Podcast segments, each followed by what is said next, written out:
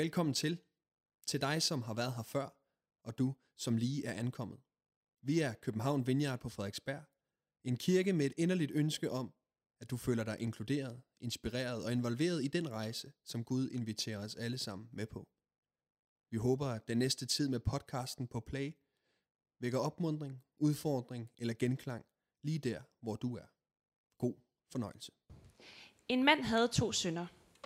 Den yngste sagde til faderen, Far, giv mig den del af formuen, som tilkommer mig. Så delte han sin ejendom imellem dem. Nogle dage senere samlede den yngste alt sit sammen og rejste til et land langt borte. Der øslede han sin formue bort i et udsvævende liv. Og da han havde sat det hele til, kom der en streng hungersnød i landet, og han begyndte at lide nød. Han gik så hen og holdt til hos en af landets borgere, som sendte ham ud på sine marker for at passe svin. Og han ønskede kun at spise sig mæt i de bønder, som svinene åd, men ingen gav ham noget. Der gik han i sig selv og tænkte, hvor mange daglejere hos min far har ikke mad i overflod, og her er jeg ved at sulte ihjel. Jeg vil bryde op og gå til min far og sige til ham, Far, jeg har syndet mod himlen og mod dig. Jeg fortjener ikke længere at kaldes din søn. Lad mig gå som en af dine daglejere. Så brød han op og kom til sin far. Mens han endnu var langt borte, så hans far ham, og han fik medynk med ham, og løb hen og faldt ham om halsen og kyssede ham. Sønnen sagde til ham, Far, jeg har syndet mod himlen og mod dig. Jeg fortjener ikke længere at kaldes din søn. Men faderen sagde til sin tjener, Skynd jer at komme med den fineste festdragt og give ham den på. Sæt en ring på hans finger og giv ham sko på fødderne. Og kom med fedekalven, slag den og lad os spise og feste. For min søn her var død, men er blevet levende igen. Han var fortabt, men er blevet fundet. Så gav de sig til at feste. Men den ældste søn var ude på marken. Da han var på vej hjem og nærmede sig huset, hørte han musik og dans, og han kaldte på en af kalene og spurgte, hvad der var på færre. Han svarede, din bror er kommet, og din far har slagtet fedekalven, fordi han har fået ham tilbage i god behold. Der blev han vred og ville ikke gå derind. Hans far gik så ud og bad ham komme ind. Men han svarede sin far, nu har jeg tjent dig i så mange år og aldrig overtrådt et eneste af dine bud. Men mig har du ikke givet så meget som et kid, så jeg kunne komme til at feste med mine venner. Men din søn der, som har øslet din ejendom bort med skøre, da han, øh, da han kom, slagtede du fedekalven for ham. Faderen svarede, mit barn, du er altid hos mig, og alt mit er dit. Men nu burde vi feste og være glade, for din bror her var død, men er blevet levende igen. Han var fortabt, men er blevet fundet.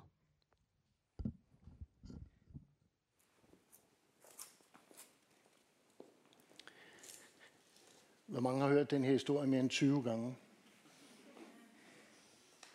Hvor mange tænker alvorligt på at gå ned på, på caféen hurtigst muligt lige nu? Vi mødes dernede. Det her det er måske den mest kendte historie, Jesus han overhovedet nogensinde fortæller. Og den er fuldstændig fantastisk. Jeg øh, kan lige så godt sige, at øh, til de liturgiske hejer her i øh, Københavns Vineyard, I vil sige, ho, ho, ho. Det er jo anden søndag i Heltre Kongertiden. Epifanitiden, der startede med Heltre Konger. Det er den forkerte tekst, Erik. Det skulle have været tidligere, eller over i Johannes evangeliet. Det er jo historien om den samaritanske kvinde, der skulle, du skulle have prædiket over i dag, hvis du nu havde været ordentlig og fuldt teksten. Og det er fuldstændig rigtigt. Men det gør jeg ikke, fordi på søndag kommer Emil og siger noget, og han er en hej til at sige noget om den samaritanske kvinde. Så jeg vil bare sige, på søndag, det bliver vanvittigt. Så øh, hvis du kan på café nu, så er det okay. Øh, vi ses dernede lige om lidt. Eller også så kan du lige hænge med mig her i øh, et lille stykke tid. Men øh, bare lige sådan, så jeg ved, hvorfor, hvorfor det her. Hvorfor det her. Og øh, den anden grund til, at jeg vil sige lidt om det her, det er fordi, at det her, vil jeg, jeg vil gerne prøve at kæde det lidt sammen med det, jeg var her og sige noget om i november, lidt om forsoning. Det her at blive forligt med sig selv og sit liv og det ene og det andet. Og der synes jeg, at det her er en rigtig, rigtig spændende historie. Så, er I klar? Okay. Okay, tak til de to, der er klar. I andre ser at blive klar. Det er ikke let at være menneske. Det betyder nemlig, at du skal forholde dig til andre mennesker. Og i relation til andre mennesker, så er det her problemerne, de begynder. At være menneske, det er både dårlige og gode nyheder i vores relationer. De dårlige nyheder, vi kommer til at gøre hinanden ondt. Uanset hvor mange bibelstudier, hvor mange undervisninger du går til, uanset hvor meget du beder, eller hvor meget du har gået i terapi, så vil du komme til at gøre nogen ondt. Det handler ikke om god vilje eller øh, noget som helst andet. Vi kommer til at såre hinanden, og vi gør hinanden ondt, og indimellem rigtig meget. Oftest så går det ud over dem, vi holder allermest af, vores nærmeste. Det kan være forældre, børn, ægtefælle og allerbedste venner. Og det kan være rigtig svært at erkende det, men det er et fakta. Vi forsøger ofte at skyde skylden på de andre. Altså, det var ikke mig, der begyndte, Anne. Det var det altså ikke. Altså, det var det virkelig ikke. Men øh, uh, fakta er, at vi bærer en uh, stor del af ansvaret for sammenstødene, eller også for løsningen af konflikter, selv. Det var det dårlige. Det gode, uanset hvor meget du har såret en anden, eller uanset hvor galt tingene er gået, så er der en mulighed for at reparere skaden, fordi forsoning, det er den vej, som Gud han viser. Er det også det, som der faktisk kommer til at træde frem her i beretningen om den fortabte søn.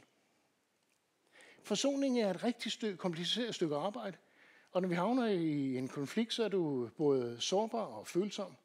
Og forsoningens vej er kompliceret vej. En kompliceret vej. Og krænkeheden, den lurer. Hvis du virkelig vil have fat i en sværvægter omkring forsoning, så vil jeg anbefale dig at købe Desmond Tutus bog. Øh, Desmond Tutu han døde her øh, for et par uger siden. Øh, Desmond Tutu har øh, været ærkebiskop i Sydafrika.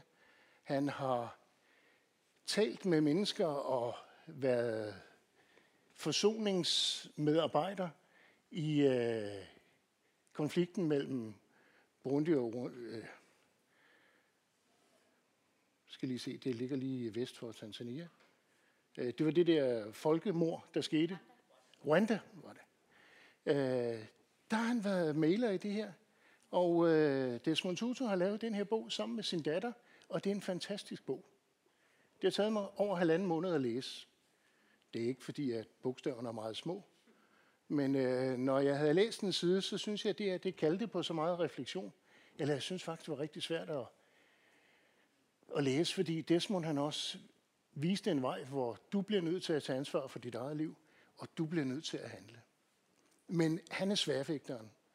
Øh, det gode ved Desmond Tutu er, at han er den biskop i verden, der danser mest. Jeg ved ikke, om du har set billeder af Desmond Tutu. Han ser nogle gange meget form ud. Andre billeder, så giver han den bare gas under lovsang. Nå ja, det kan jeg også sige, det vidste de godt. Men uh, jeg synes, det er helt fantastisk, at en biskop på 89, han giver den gas og danser løs. Jeg har også prøvet, uh, Desmond ser bare mere lækker ud end mig. Så. Men uh, hvis uh, du vil vide noget mere og rigtig gå i dybden med det her, så vil jeg anbefale dig den her bog. Og så skal du have den liggende fremme, sådan så du ikke glemmer den, eller får smidt den væk, eller gør dig selv den her løfte, at den her bog, den vil jeg prøve at læse færdig. Så det er bare lige en anbefaling, sådan en bog-review.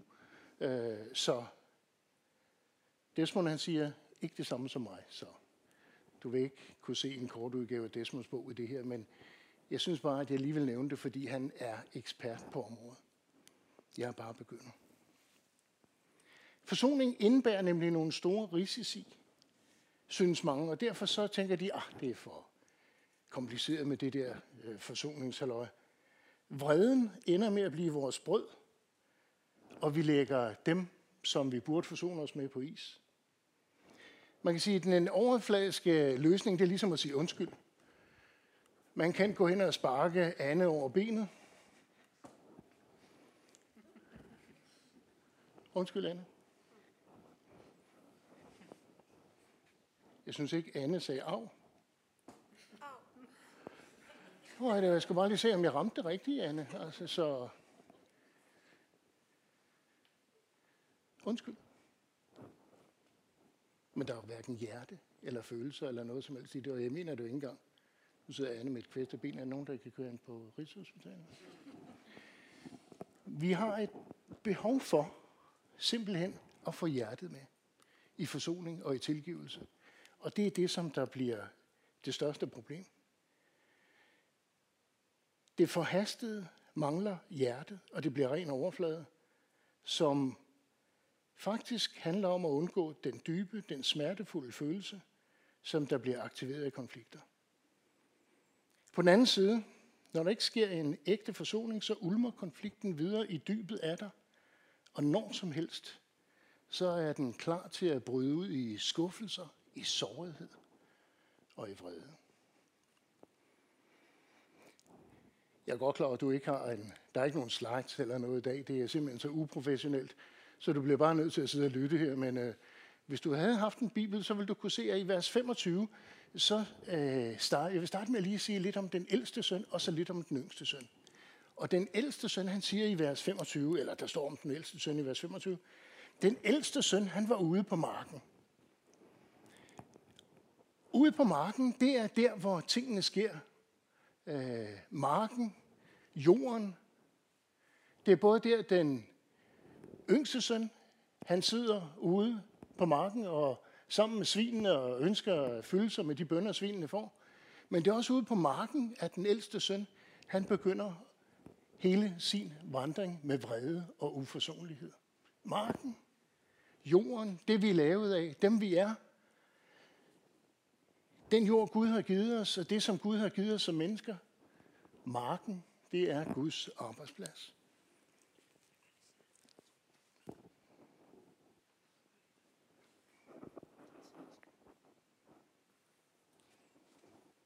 Nu ser jeg bedre ud nu. Da han var på vej hjem og nærmede sig huset, hørte han musik og dans. Desmond Tutu var sikkert med. Og han kaldte på en af kalene og spurgte, hvad der var på færre. Han svarede, din bror er kommet, og din far har slagtet fedekalven, fordi han har fået ham tilbage i god behold. Da blev han vred og ville ikke gå ind. Vrede. Den ældste søn, ham der arver, overtager, han træder ind i faderens rolle. Han oplever sang og musik og glæde efter en lang arbejdsdag. Hvad er det for noget? Der plejer ikke at være fest og glæde her. Halløj, halløj, halløj. Man kunne måske have tænkt, det nemmeste, han ville have kunne gøre, det var at gå ind og spørge sin far, far, øh, hvad sker der? Øh, hvorfor danser du? Øh, helt vildt. Sammen med Desmond Tutu. Og hvem er Desmond Tutu, vil han spørge. Men øh, hvorfor står du her og danser? Hvorfor er det så meget fest og glæde? Nej, det gør han ikke. Fordi jeg tror godt, han har fornemmelse af, at der er en iboende konflikt og en vrede også mod hans far. Så han får fat i en af tjenerne, og så siger, hvad, hvad sker der? Din bror er kommet, siger tjeneren.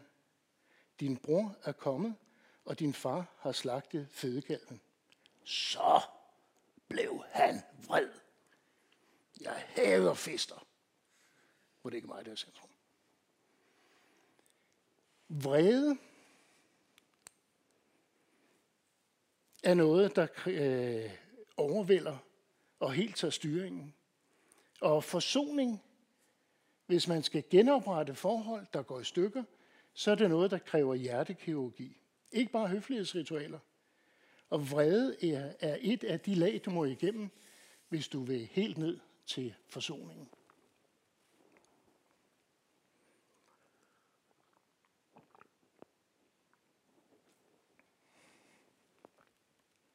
Jeg ved, du, er nogen af jer, der prøver at være vrede?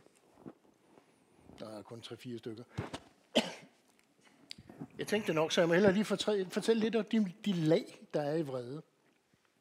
Vrede spænder lige fra raseri til den skjulte, raffinerede sarkasme, kynisme eller bare passive afvisninger men i det hele, så er afvisningen det samme. Vreden afviser og viser dig væk.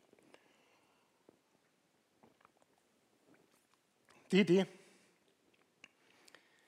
der sker her. Han siger, nu har jeg tjent dig i mange år. Og aldrig overtrådt den eneste af dine bud. Men mig har du ikke givet så meget som et kid, så jeg kunne gå ud og feste med mine venner. Er det rigtigt? Jeg har lige sådan en hurtig rundspørg. Hvem tror, det er rigtigt, at faren ikke har givet den ældste søn noget nogensinde?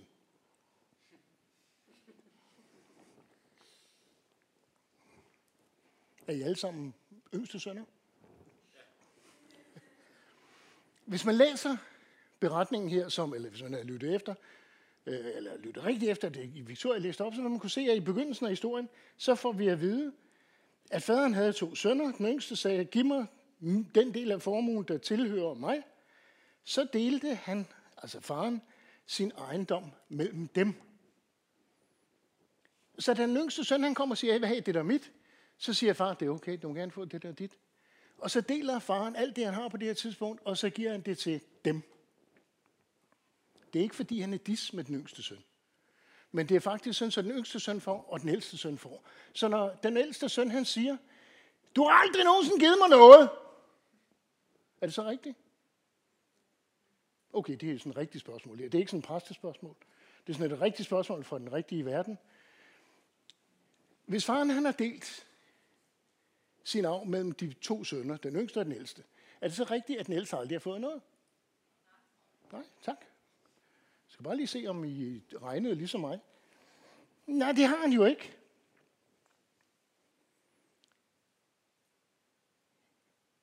Den anden søn, den ældste søn, han går ind i vreden, og han vender opmærksomheden udad for at distrahere sig selv, for at føle smerten indeni. Det er din skyld. Vrede avler vrede. Så når faren sover mig, så oplever jeg at blive vred. Sådan synes, jeg kan frelægge mig ansvar, og jeg oplever, at det er den anden, det er altså faren eller min bror, der gør mig vred. Storebror her, han frelægger sig ansvaret for sin egen vrede, og dermed også ansvaret for den smerte, hans udsagn påfører faderen. Min sårede vrede bliver retfærdiggjort. Og så er det, at der nogle gange sker en fuldstændig fejlfortolkning af konflikter eller problemer, sådan som det bare skaber en eskalering af problemerne. Menneskelige relationer, jeg bliver såret, jeg svarer med vrede, jeg vil ikke selv tage ansvaret for min gengældelse. Jeg vil ikke tage ansvaret for den vrede, jeg gengælder med. Og sådan bliver det ved i en evighed. Problemet er for os mennesker, det er den her selvretfærdige øh, harme, som der føles godt for mit ego, fordi jeg skaber en illusion om, at jeg ikke har ansvar for konflikten. Ordvalget, som den ældre bror har, den er fuldstændig fantastisk her. Nu har jeg tjent der i mange år, jeg har aldrig overtrådt det eneste bud, men øh, du har ikke givet mig noget som, øh, noget som helst, jeg kunne feste med. Men din søn der, er det... Har I nogensinde sagt til jeres forældre, at, hvor mange har søskende? Okay, hvor mange er enebørn? Hvor mange ved det ikke? okay. Uh, lad mig sige sådan her. Uh, har, uh, har du nogensinde sagt om din uh, bror eller søster til dine forældre? Uh, jeg har en storesøster. Uh, jeg har aldrig sagt til min mor, mor, dit barn, datteren, fuldstændig ude i ham. ikke? Hvad siger min søster eller min bror? Det sjove er, at tjeneren, der lige er kommet og fortalt, at der er fest inde i huset, han har også sagt, din bror er kommet. Men broren her, den ældre bror, når han ligesom skal forklare, hvordan det hænger sammen, så siger han til faren, din søn har ingen del i det her. Ikke min skyld. Faktisk, jeg er slet ikke vred. Rigtigt. Øh, og det er i hvert fald ikke mig, der har et problem. Det kan jeg godt sige dig. Jeg har aldrig fået noget. Aldrig, aldrig, aldrig, aldrig. Aldrig fået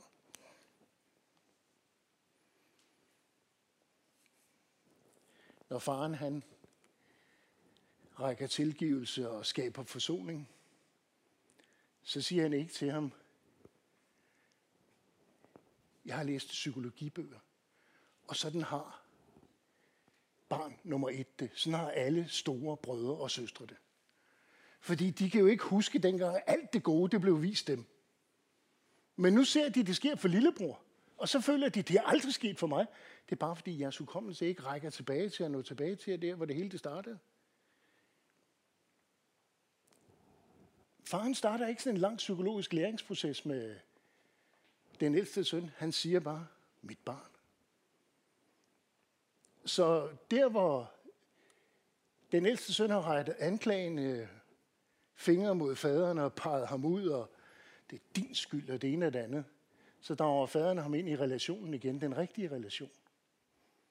Han siger, mit barn. Du er altid hos mig. Alt mit er dit. Wow. Det er sådan en far, vi har. Du er altid hos mig. Alt mit er dit. Hvis der er nogen, der læser jura herinde, sidder der nogle advokater. Nå, hvis der havde været det, så ville de kunne fortælle alt omkring arveret. Jamen, han har jo arvet en gang, han har fået, hvad han skulle have, han skal ikke have mere nu. Faderen, han har, kan gøre med resten lige, hvad han vil. Og det gør faderen. Han bliver ved med at dele det. Og siger, alt mit er dit. Er det ikke fantastisk? Og jeg godt se det.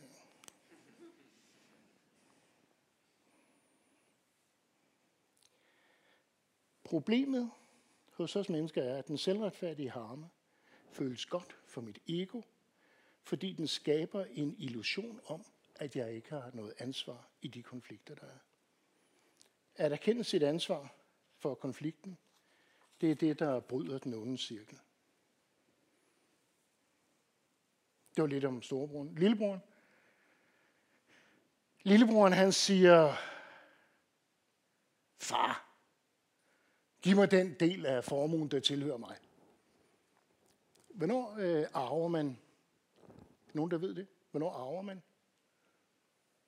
Og det, jeg kan godt se, det er sådan lidt, øh, det er en god undervisning, det her. Øh, lidt omkring arver og det ene og det andet. Man arver, når der er nogen, der dør. Ikke? Når der er nogen, der dør, så kommer skifteretten, så bliver der sendt papirer ind, øh, sender jeg papirer ind til skifteretten, og skifteretten, det er dem, der siger, oh, Erik, din far er død. Øh, nu bliver jeg indkaldt til skifteretten, og jeg kommer op til skifteretten i Helsingør, og sidder der sammen med min søster og skifteretten og kigger på alt, hvad min far har af hus og papirer og gamle biler og det ene og det andet. Og så siger de, at der er et indbrug, det er 200 kroner værd. Jamen, min far har en stor frimærksamling. Altså er ubrugte frimærker. Der er måske for op til 50 kroner i den. Og så er der alle møblerne og glasene, altså de skårede glas. Og skifteretten kommer og vurderer det hele, og så arver man. Når den her bror, yngste bror kommer og siger, giv mig den del af arven, der tilhører mig, så siger han faktisk til faren, kras af gamle, jeg håber du var død, farvel med dig, jeg skal ud og opleve verden. Jeg kan ikke vente på, at du dør, øh, jeg skal bare ud og prøve noget. Er det ikke skønt at høre sådan noget?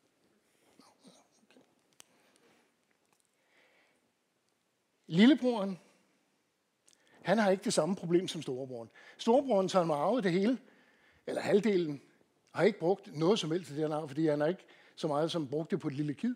Lillebroren, han kan godt bruge pengene. Han tager ud og rejse, og når han er ude at rejse, så bruger han alle pengene lynhurtigt. Og så er det, at øh, han sidder pludselig, og der er ikke flere penge tilbage, og så kommer der en økonomisk krise i landet, hvor han er. Så er det, at han sidder ude på marken, der hvor tingene de ændrer sig, Guds værksted. Og ude på marken, så er det, han siger følgende.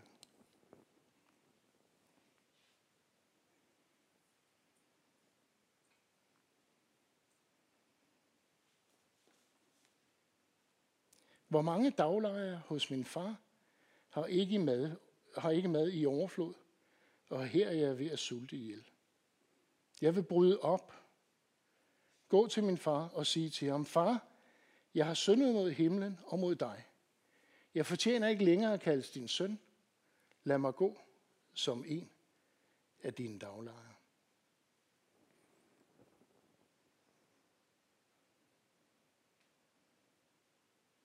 Han gik i sig selv. Marken er stedet, hvor der er tid til at overveje nogle ting. Han gik i sig selv. Han havde tid til, fordi der ikke var andet at lave, at overveje tingene. Og han så, at han havde påført sin far smerte. Konflikter er ikke bare dig, der har smerte, men konflikter er ofte der, hvor vi påfører hinanden smerte. Og den indsigt er rigtig svær at få, men den yngste søn, han får den her. Han siger, jeg har syndet mod himlen og over for dig. Det her ord overfor, det er et fuldstændig fantastisk ord. Øh, jeg har været så heldig at gå op til studentereksamen i øh, klassisk græsk. Og øh, det hvor mange har prøvet det? Det er derfor, I ikke er så glade som mig. Det, det kan jeg bare sige. At gå til studentereksamen i klassisk græsk, det var simpelthen at læse øh, Odysseen og Iliaden og Homers samlede værker. Trokere og jamper, det giver bare en en stor tilfredsstillelse. Og så for at man ligesom ikke bare havde det her klassiske, som ingen gider læse mere, så havde man også, øh, min øh, græsklærer sørget for, at man læste et kapitel fra Ny Testamente, nemlig Lukas kapitel 15, om den fortabte søn. Og da jeg kommer ind til eksamen, så trækker jeg nummer 4 og siger nummer 4, og så siger min øh, lærer, lektor Schmidt, han siger, Erik, det er historien om den fortabte søn. Så tænkte, den bliver god at oversætte, den har jeg nemlig hørt før. Men så står der, jeg har syndet overfor. Det er bare sådan et almindeligt forholdsord på dansk. Ligesom til, med, på, det ene og det andet. Men på græsk, så hedder det pros opion. Og pros, det betyder godt nok retningen overfor. Øh, men ops, det betyder ansigt. Så øh, han, det, det, han, han tilkendegiver ikke bare retningen, når han siger, jeg har syndet over for himlen over for dig, men han siger, jeg har syndet op i dit åbne ansigt. Jeg ved det. Jeg ved, at du ved, at nu også, så ved jeg, at det her, det var fuldstændig forkert. Jeg har ikke bare gjort det over for dig, jeg har gjort det lige op i ansigtet på dig. Jeg er ikke længere værd at kalde din søn. Lad mig gå som en i din daglejr. En fuldstændig fantastisk erkendelse. Lillebror, han har skabt en konflikt ved at kræve sin del af arven. Da han går i sig selv, så erkender han sit ansvar i konflikten, og han er den, der kan bryde den onde cirkel. Det, der indimellem sker, når vi kommer til erkendelse af sådan noget, det er det, jeg vil sige, så kommer ydmygheden snigende sig ind over os. Vi opdager, at vi har gjort noget forkert, og vi bliver nødt til at handle på det. Sådan en ydmyghed, den er ofte pinagtig.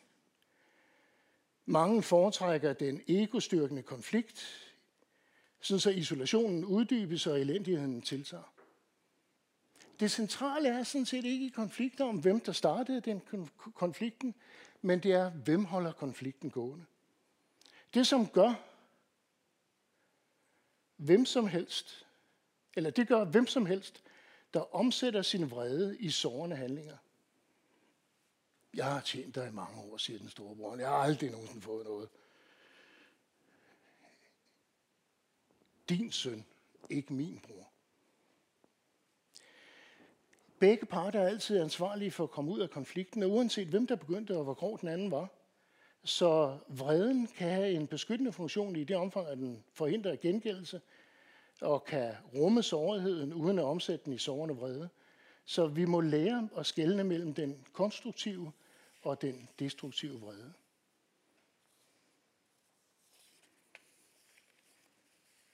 Den konstruktive vrede, det er det, der beskytter os. Den destruktive, det der fastholder os i et mønster, hvor vi aldrig kommer ud. Lige lidt om faren.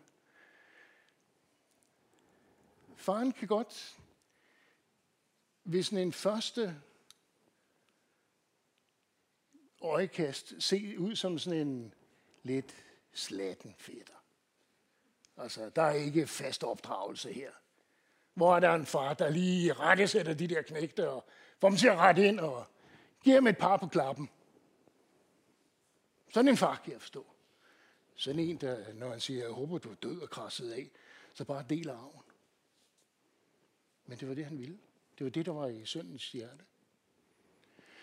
I den anden situation her, så er det, at øh, man kan høre, at den ældste søn virkelig har svinget sig op. Han siger, nu har jeg tjent alle de her år. Sønnen der, og det ene og det andet. Mit barn, du er altid hos mig. Kunne Gud ikke godt være lidt mere håndfast? Altså, ruske ham lidt. Og det kunne han da godt. Det bringer bare ikke løsninger med sig. Tværtimod så optrapper det nogle af de her konflikter. Jamen, den yngste søn, han er da også den, som der har det alt gående for sig. Den der far, han, han står og kigger efter den der møgunge ude foran.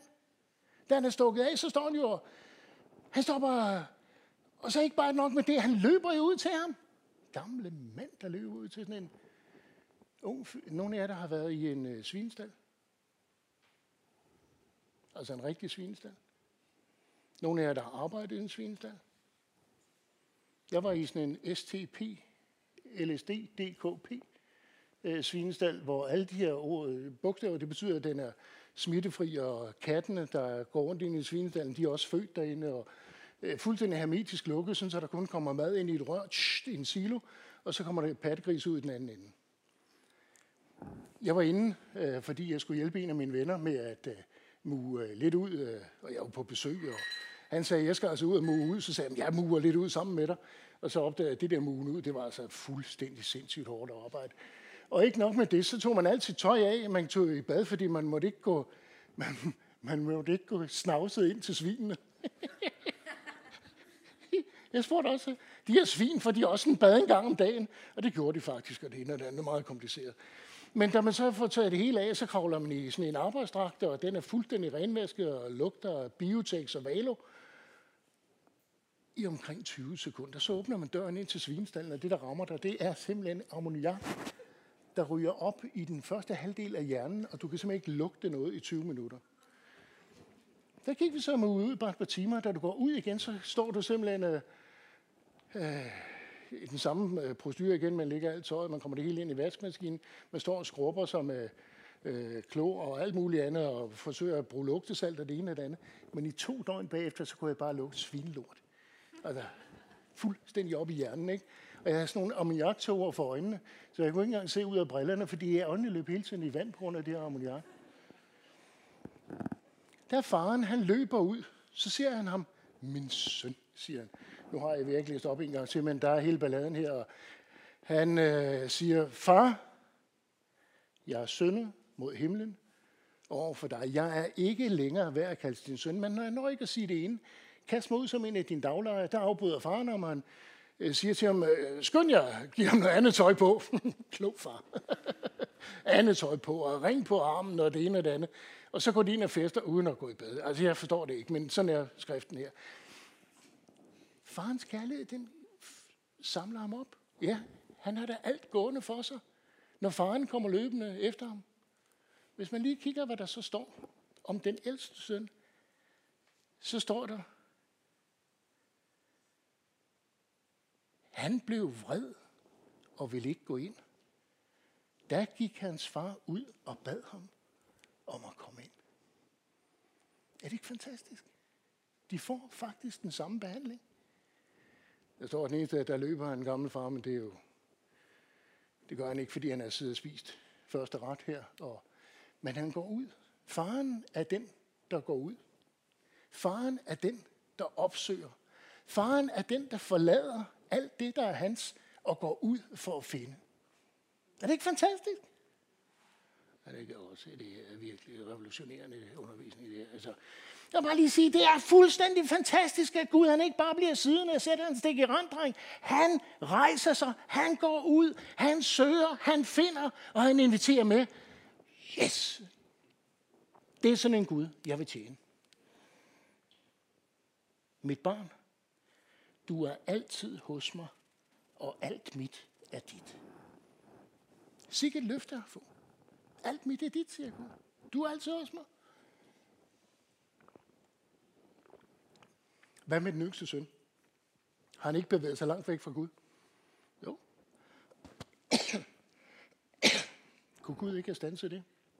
Jo, det vil han ikke. Fordi vi er jo skabt med en fri vilje til at gøre, hvad vi vil. Men han er også den, der lader os få lov til at være ude på marken, på Guds arbejdsplads. Vi kan gå i os selv. Vi kan tænke, og vi kan handle. Så her, der ser vi forklarelsens lys, der skinner ind over, hvor meget smerte hos den yngres bror, han har forvoldt sin far.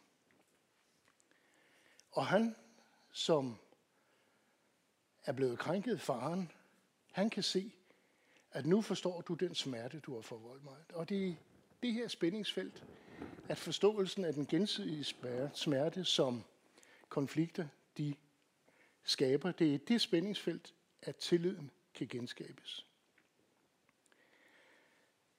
Det sker, fordi den sårede part ikke længere er alene med smerten. Når man er forenet i smerten, så er man forenet. Og forening, det er altid kærlighedens længsel og altid kærlighedens kendetegn. Isolation, det er det, der er problemet. Foreningen, det er løsningen. Isolation, det er, når du bliver skilt fra det, du er blevet bestemt til. Diabolos, djævlen, det betyder den, der skiller. Så konflikter, som er en del af det menneskelige, er faktisk der, hvor vi giver djævlen råderum til at gøre ting i vores liv, med vores liv, over for andre. Derfor så er det, at vi har brug for at være dem, som der er modige og søger forligelse og søger forsoning. Forsoning, det er ikke bare sådan en reparationsarbejde. Når du læser Desmond Tutu, så opdager du, det her, det er ikke nemt. Det er ikke sådan lidt, her har vi sådan en motorvej, der er to huller, jamen, så kan lige nu, der kører op, fylder, kører ud, fylder lidt i, så er det overstået, så er der ikke nogen huller mere. Forsoning er ikke reparationsarbejde. Det er en udvidelse af selve kærlighedsbegrebet. Så Gud er den, der vælger at forsone sig med den verden, han har skabt. Der hvor Gud han bliver vred, så vælger han at forsone sig. Der hvor mennesker er blevet vrede på hinanden, der er det, at Jesu død på korset bliver den forsoningsdød, der gælder alle relationer, der går i stykker. Sådan så relationen mellem mennesker kan gå i orden, og relationen mellem mennesker og Gud, den kan blive genoprettet. Halleluja, vil jeg bare lige sige helt alene her. Kraften i forsoningen, den flyder fra korset, hvor Jesu med sit sonoffer frigør guddommelige kræfter på det menneskelige plan. Og det er det, Gud han kalder os til at tage del i forsoningens tjeneste og i forsoningens gave. Hvad du vil sige med alt det her snak, Erik? Jeg vil sige med alt det her snak, at vi vil altid opleve konflikter i vores liv. Det er en del af den verden, vi er i. Det er ikke det, der er det største problem. Det største problem er, at hvis vi ikke følger Jesus ind på forsoningens vej. Den barmhjertige samaritaner, det sagde jeg også forkert i morges, den fortabte søn, utroligt som man kan gentage fejl, ikke? det er jeg altså bare blevet rigtig god til. Lignelsen af den fortabte søn, den giver på en eller anden måde en model for, hvordan man,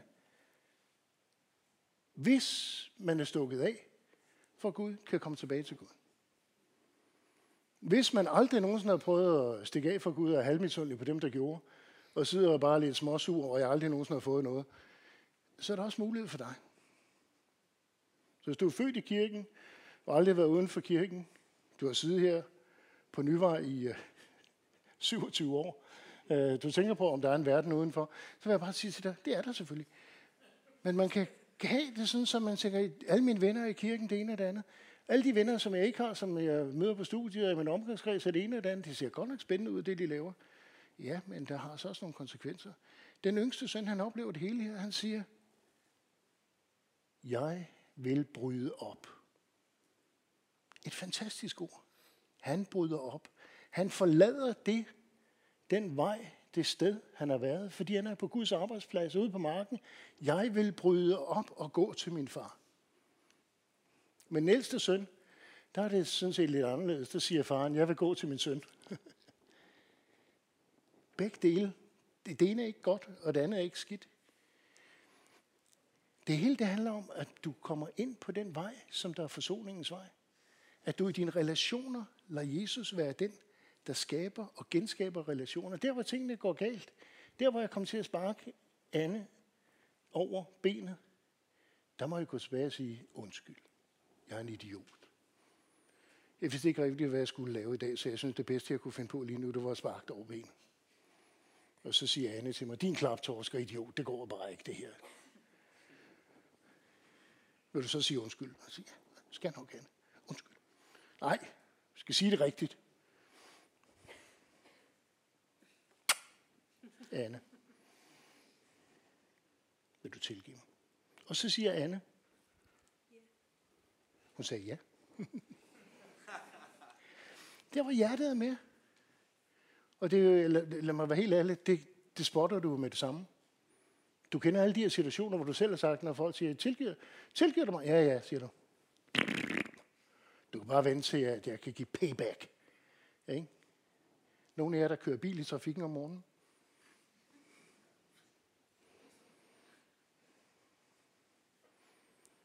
Nogle af jer, som er kommet til at sige noget uforligagtigt over jeres medtrafikanter. Aldrig. Jeg prøver at sige følgende. Gud velsign også dem. Gud kalder os ind på forsoningens vej. På forligelsens vej. Han kalder os, uanset om du har været ude sammen med grisene, eller bare været inde sammen med gæsterne. Han kalder os til at tage farens rolle. Til at være dem, som der bygger bro og skaber forsoning. Så tiden går. En lille bøn. Der er selvfølgelig forbøn, så hvis man har lyst til det, så skal man gå den her vej. Eller også kan det være, at man lige har brug for lige at øh, være på marken. Så, så jeg sætter lige mit æggeur i to minutter.